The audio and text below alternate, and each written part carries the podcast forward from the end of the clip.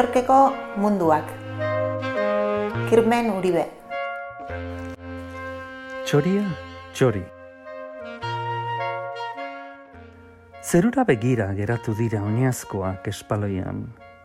Han urrun parkearen gainean, bi arrano ikusi dituzte egaz, biribilean. Arrituta daude.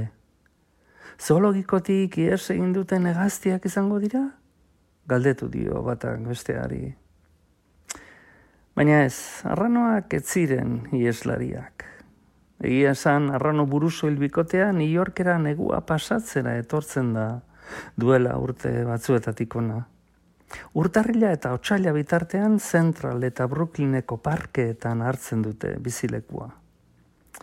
Bitxia da, estatu batuetako agintearen simboloa da arrano bursoia, banderetan eta ikurretan agertzen dena, baina desagertzea arregon zen hogei garren mendean.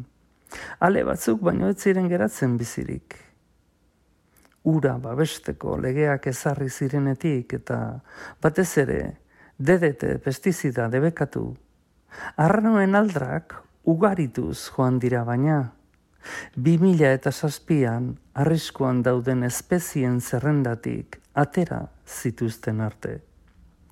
Eta orain begira, New Yorkeko abia duten negutiarrak dira arranoak. Zoologikotik iaz egin zuen egaztia, beste bat zen. Ontza. Flako izeneko ontza handi batek hanka egin zuen parkeko zootik otxailaren hasieran. Animaliak aske maite dituen norbaitek kaiolako sarean zuloa zabaldu zionean. Biologoak beldur ziren amabi urtez kaiolan bizitako ontzak ze gobernu aterako zuen etxe horratzen hiri basatian. Beldur ziren gosez hilko zela. Edo damuak eta nostalgiak jota itzuli egingo zela etxe kartzelara. Baita zera ere. Konturatu dira, pozarren dagoela txoria. Flako, bizimodua ateratzeko nor da. Egizatu egiten du gabez, eta egunez, atxeden hartu. Hori bai, argazkilariek eta kuskuseruek bakean uzten badute.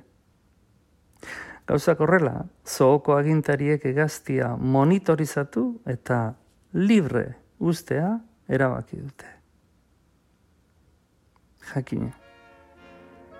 Behin azke bizizan denak ez du berriz, giltzapera, itzuli nahi.